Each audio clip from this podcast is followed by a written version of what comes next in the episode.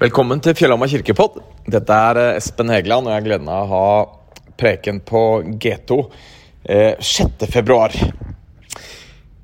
Jeg skal snakke om Den hellige ånd. Vi skal gjøre det en del ganger på G2 den eh, vinteren og våren her. Snakke om Den hellige ånd. Hvem Den hellige ånd er. Hvorfor vi trenger Den hellige ånd. Eh, den hellige ånds gaver, utrustning osv. osv. I dag skal jeg snakke litt om hvorfor vi trenger Den hellige ånd. Jeg må begynne med å fortelle litt om uh, min familie. Min, uh, min, pappa han husker jeg som en utrolig bra mann. Som en som uh, ville investere i oss barna. Ville at vi skulle ha det bra, at vi skulle være trygge og, og, og alt det der gode. Han lærte meg utrolig mye, dessuten. jeg må si jeg var veldig glad i, i, i pappaen min. Og min pappa han døde for ja, det nærmer seg 13 år siden. Og selv om min pappa var god, en bra mann, så kunne han ikke gi oss noe annet, uh, oss barna, enn arv og sånne ting, da, uh, når han døde. Jeg og søsknene mine vi ble da rett og slett foreldreløse. I hvert fall fedreløse, da, ble vi når han døde. Og når mamma døde noen år etterpå, Eh, og hun husker jeg jo likens som pappa, som en, en, god mor som ville oss vel, investerte i oss osv. Og, så og når hun døde, så ble vi foreldreløse. De, eh, de var fine folk og putta mye bra inn i oss, barna. Jeg husker jo særlig disse tingene som, som fattern tok oss med på. Alle jaktturene, f.eks. Eh, alle kanoturene. Alle disse opplevelsene.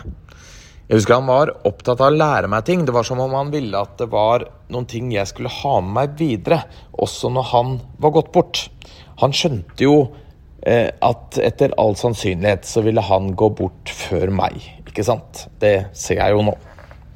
Og på mange måter så lever jeg sånn in remembrance of him, som vi sier. Til minne om han. Og det er jo normalen, ikke sant? Altså at vi lærer av våre foreldre. Og siden våre foreldre ikke er fullkomne, så lærer vi av både godt og vondt. Vi setter noe til side av det vi har lært, prøver å glemme noe, gjør vi kanskje også, og så tar vi med oss det gode videre. Og I teorien så er det jo sånn menneskeheten vokser og kommer videre. på en måte. Vi lærer stadig mer, og vi overtar til en viss grad lærdommen til de som har levd før oss. Noen ganger så sier vi at vi står på deres skuldre. Forhåpentligvis så vil jo utviklingen da i, i, i vår slekt, f.eks., eh, for meg og, og mitt hus, eh, være stigende, ikke sant? Eh, vi fikk noe av våre foreldre som vi gir videre til eh, våre barn, og som de kan gi videre til sine barn igjen, samtidig som de stadig lærer mer, utvikler mer, som man får gitt videre. Og vi blir glupere, klokere, kommer lenger, osv., osv. Forhåpentligvis. Jeg, eh, jeg må innrømme at eh, selv om det nærmer seg 13 år siden min eh, pappa døde, så hender det fortsatt at jeg tenker det der skulle jeg gjerne ha spurt han om. Dette kunne han så opplagt ha hjulpet meg med. Dette ville han ha lengta etter å hjelpe meg med, egentlig. Han hadde kommet løpende, på en måte, om ikke bokstavelig talt, så i hvert fall kan jeg se det for meg at han kommet løpende for å komme meg til unnsetning, hjelpe meg, liksom. Svare meg. Jeg husker eh, de første månedene etter at han eh, var borte, så kunne jeg ta opp telefonen og skulle, skulle til å ringe. Jeg kunne finne meg selv i og skulle ringe han for å spørre om ting, ikke sant? For å måtte konkludere med at nei, det går jo ikke lenger. I Johannes kapittel 14 vers 18 så sier Jesus om eh, talsmannen Den hellige ånd. Jeg lar dere ikke bli igjen som foreldreløse barn. Det som jeg har fortalt om så langt i denne prekenen, om mine foreldre som lærte meg ting, ting jeg kan ta med meg videre til mine barn, så vil forhåpentligvis vår slekt være glupere etter noen slektsledd enn hva den var for slektsledd tilbake osv. Det funker jo ikke om våre foreldre dør når vi er barn, om du skjønner. Og det er et sånt bilde Jesus bruker for å forklare oss hvem Den hellige ånd er, og hvorfor vi trenger han. Altså, Vi blir ikke etterlatt som små barn som mister foreldrene sine. Eh, vi Vi blir ikke etterlatt som små barn som ja, om de er små nok, så vil de ikke klare seg. De vil rett og slett dø om foreldrene blir borte. Nei, vi får Den hellige ånd. Vi kan kanskje til og med tørre å si derfor får vi Den hellige ånd. Eller iallfall fordi vi var som små barn når våre foreldre gikk bort. I overført betydning, da, får vi Den hellige ånd. Og når vi ser hvor mange mistakes, bommerter, disiplene gjorde, og hvor mye veiledning de trengte av Jesus når de gikk sammen med Jesus på jorda, så blir det noe hovent og blærete av oss å si i dag, tenker jeg. Eh, at eh, nei, jeg trenger ikke så mye Hellig Ånd-greier, jeg. Det holder for meg å leve på minnene.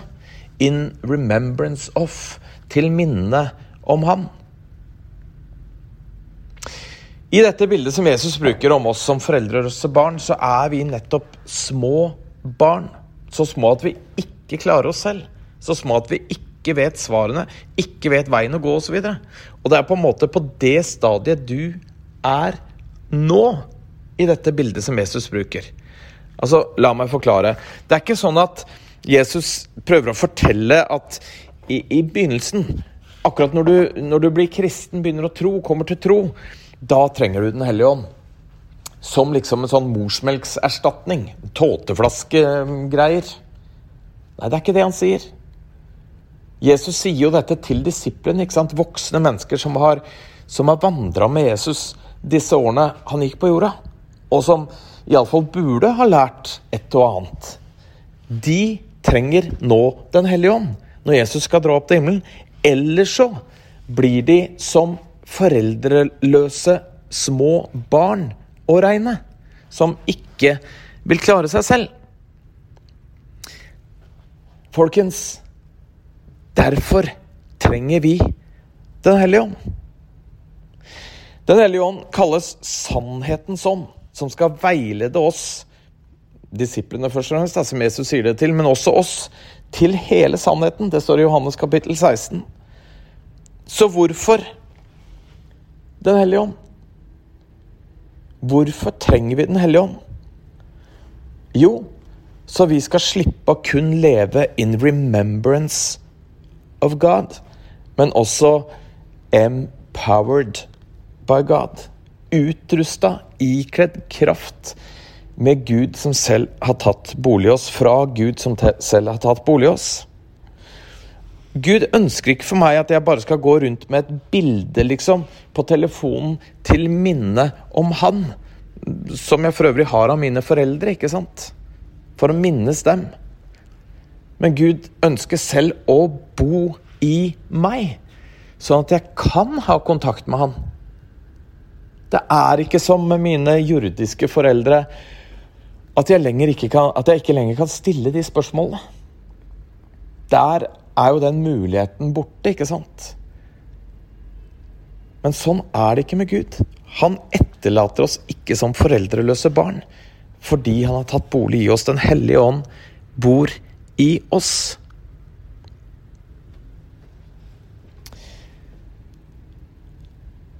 Jeg tror at det disiplene opplevde, erfarte med Jesus når de gikk rundt på jorda, og den, den på en måte banken av gode minner og opplevelser som de opparbeida seg, da det tror jeg Gud ønsker å gi til deg og meg i dag også. Det tror jeg er en del av den pakka. At han ikke har etterlatt oss som foreldreløse barn, men at han bor i oss. Sånn at du og jeg kan ha den kontakten med Gud. Så skal vi altså, eh, som sagt, videre utover vinteren og våren snakke mye om Den hellige ånd. Forskjellige ting. Og det håper jeg du eh, får med deg. Eh, men som en liten start i dag, så lå det meg på hjertet å fortelle at vi trenger Den hellige ånd fordi Gud har gjort det sånn. Fordi han i sin kjærlighet til oss, i sin godhet til oss, i sin utvelgelse av oss, om du vil òg, bestemte seg for at han vil ikke etterlate oss som foreldreløse barn. Derfor får vi Den hellige ånd. Og jeg må innrømme at selv om jeg har mye god, opparbeida kunnskap som mine foreldre har gitt meg, mange gode minner som jeg kan leve på, så ville jeg jo veldig gjerne ha bytta bort det, om det var det det sto på, mot å kunne ha de her i livet mitt fortsatt. Jesus har vi her fortsatt. Ikke la oss da bare leve på minnet, men la oss også leve på den kraften som bor i det at Gud er i deg og i meg. Amen.